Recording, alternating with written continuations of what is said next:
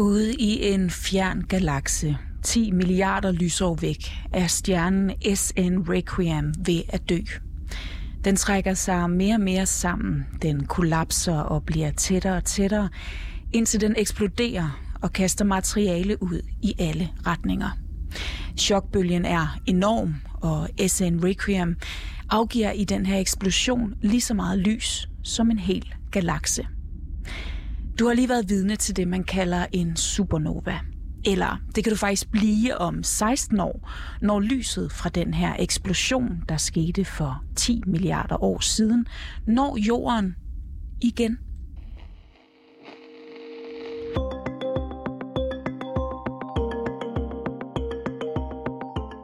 Det kan godt være, at du er en lille smule forvirret lige nu, fordi hvorfor siger hun igen, og hvorfor er det egentlig om netop 16 år, at man kan se det her, og hvordan ser det egentlig ud? Kommer nathimlen til at lyse op i en eksplosion, eller hvordan? Alt det skal jeg nok prøve at give svar på i den her podcast. Eller det vil sige, at jeg har allieret mig med en, der er meget klogere end mig, og som kan svare på det. Nemlig Dansk Astrofysiks helt store stjerne lige nu, 22-årige Albert Sneppen, som faktisk for nyligt knækkede en af de helt store koder omkring, hvordan lys bevæger sig i rummet. Og jeg har ringet til Albert, fordi af et hold danske og internationale forskere altså har fundet ud af, at den her stjerneeksplosion, den her supernova, der fandt sted lang tid før vores jord- og solsystem i det hele taget blev født, ja, den kommer vi til at kunne se her fra jorden af i 2037. De har simpelthen set ind i fremtiden, hvilket er ret unikt og ikke mindst ret imponerende.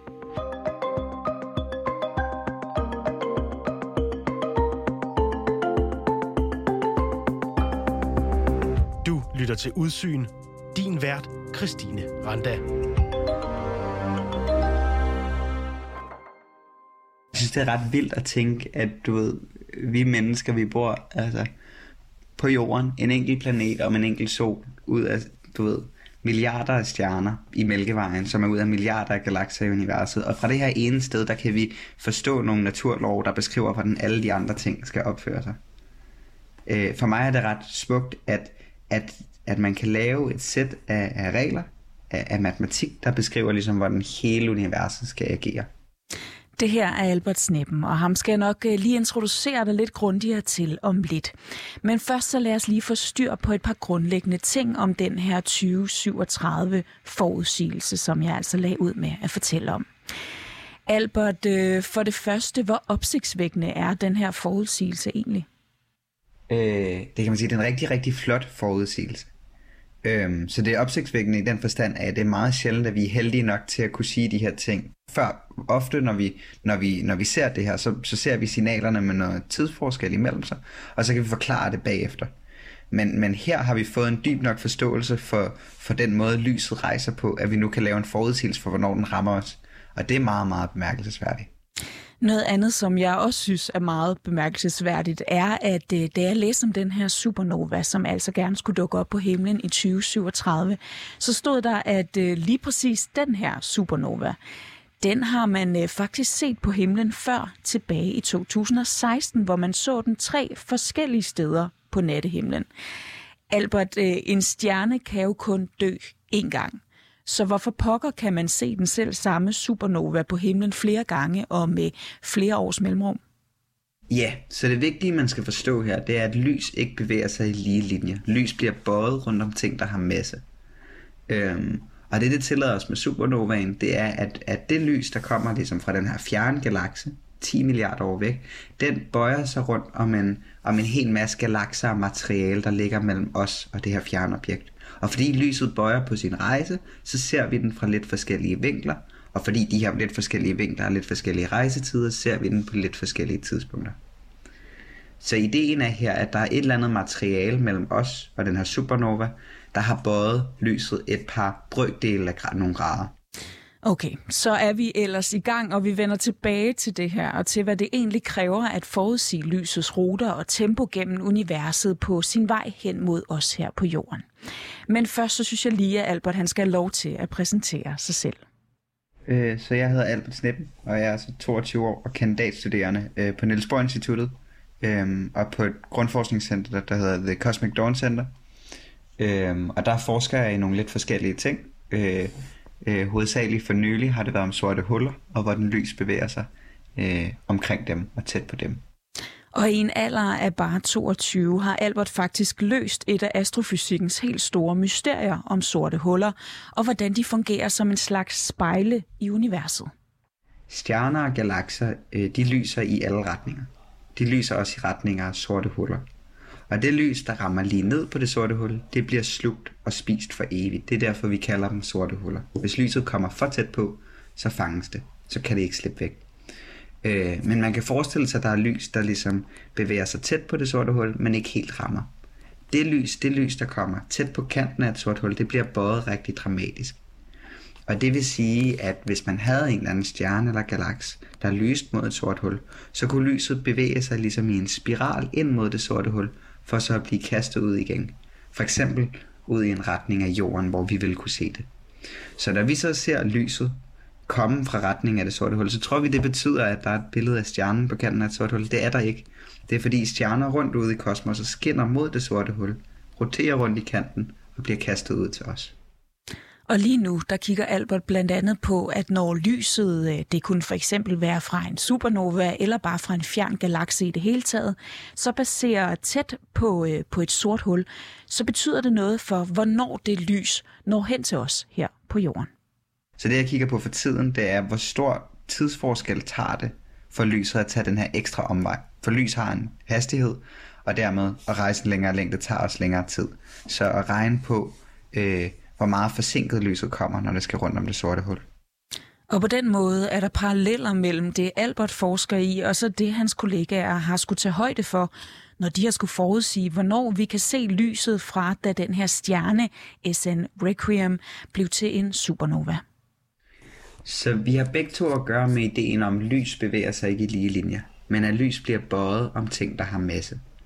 Og, og 2037 supernovaen, man kan sige, den, den, øh, den er et eksempel på et objekt, der ikke har utrolig meget masse, så den blev ikke bøjet så meget. I virkeligheden blev lyset kun forsinket. Altså quote on quote 16 år eller 21 år mellem de to billeder. Altså det er ikke, det er ikke så meget. Øh, men øh, det billede, Øh, jeg snakker om med sorte huller, der kan lyset blive forsinket øh, rigtig, rigtig lang tid. Øh, fordi, fordi lyset kan rejse rundt om det sorte hul i rigtig lang tid. Og det er altså super svært at vide og forudse præcis, hvilken måde lyset skal bøje sig på på sin rejse gennem universet, hvilket bare gør Alberts kollegaers forudsigelse endnu vildere. Det afhænger af det stof, der er imellem os og de her fjerne stjerner, der dør, vi kigger på. Så det er ret svært at forudsige, hvordan det stof er fordelt ud i universet, og det, at man er lykkedes med det, er, er virkelig, virkelig utroligt. Og grunden til, at det er så svært, det er fordi, at der faktisk er ret meget af det her forskellige stof, som lyset skal passere, som vi ikke rigtig kan se. Det er ret svært at se det meste ting i, i, i universet. De fleste galakser lyser måske ikke nok, og det at forudsige, hvad massefordelingen er af fjerne galakser, er en rigtig, rigtig svær øvelse. Øhm, så, så en af de store problemer i fysik lige nu, det er, at, at en rigtig stor del af massen kommer fra noget, vi kalder mørkt stof. Og fordi det er mørkt, så kan vi ikke se det, og, og det, at man nu har, har ligesom fået, fået en, en stærk nok forudsigelse for, for, hvordan det mørke stof er fordelt, til at man kan forudsige, hvordan det mørke stof tiltrækker lys, det er rigtig flot. Og Albert, kan du ikke lige forklare, hvad mørkt stof egentlig er? Øh, ja, det vil jeg rigtig gerne, men det ved vi ærligt talt ikke i fysikken. Så det er en form for stof, der opfører sig... Øh, øh, måske en måde, jeg kan prøve at sige det på, det er, at universet består af rigtig mange komponenter. Øh, der består, du ved, af det stof, som vi kender, det der laver jorden stjernerne. Øhm, men der er andre ting, vi har behov for at tilføje til vores ligninger, for at kunne forklare den måde, universet udvikler sig på, og den måde, galakserne hænger sammen. Øh, en af de problemer, vi har, det er, at vi har alt for lidt stof til at samle en galakse. Øh, og derfor har vi opfundet den her mørke stof som en forudsigelse for, at der må være noget stof, som vi ikke ser, men som stadig er derude, og kan tiltrække ting med tyngdekraft. Og det er så det, at, at man nu har forudsagt præcis nok, hvor det mørke stof er henne, til man ved, hvordan det tiltrækker lyset på sine baner. Og derfor, øh, hvordan lyset rejser mod os, og hvor vi ser det fra. Ja, forskerne har altså formået at forudsige, at det er i 2037, at vi igen kommer til at kunne se lyset fra den her supernova på himlen over jorden. Eller se og se er måske så meget sagt. Det kræver i hvert fald lidt mere end bare det blotte øje. Grundlæggende øh, så ligger den her øh, supernova og den galakse, den stjerne, den supernova ligger i rigtig, rigtig langt væk. Øh, som du sagde, så ligger den 10 milliarder lysår væk.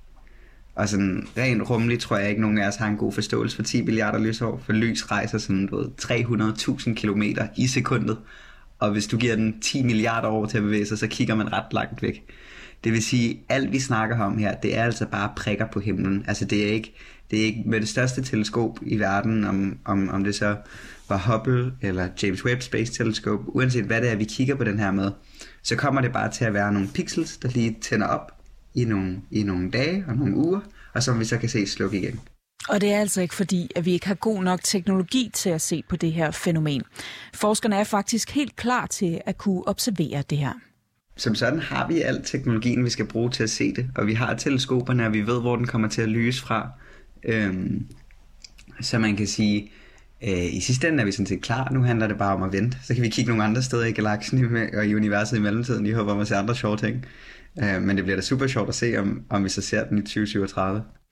Super sjovt, ja, men, men kan vi egentlig bruge den her jagttagelse til noget, Albert, som, som mennesker og som øh, menneskehed? Så svaret er nok, at jeg ikke rigtig ved det. Altså, det, det, det er grundforskning, så det er, svært, det er altid svært at sige, hvad grundforskning kommer til at betyde for os.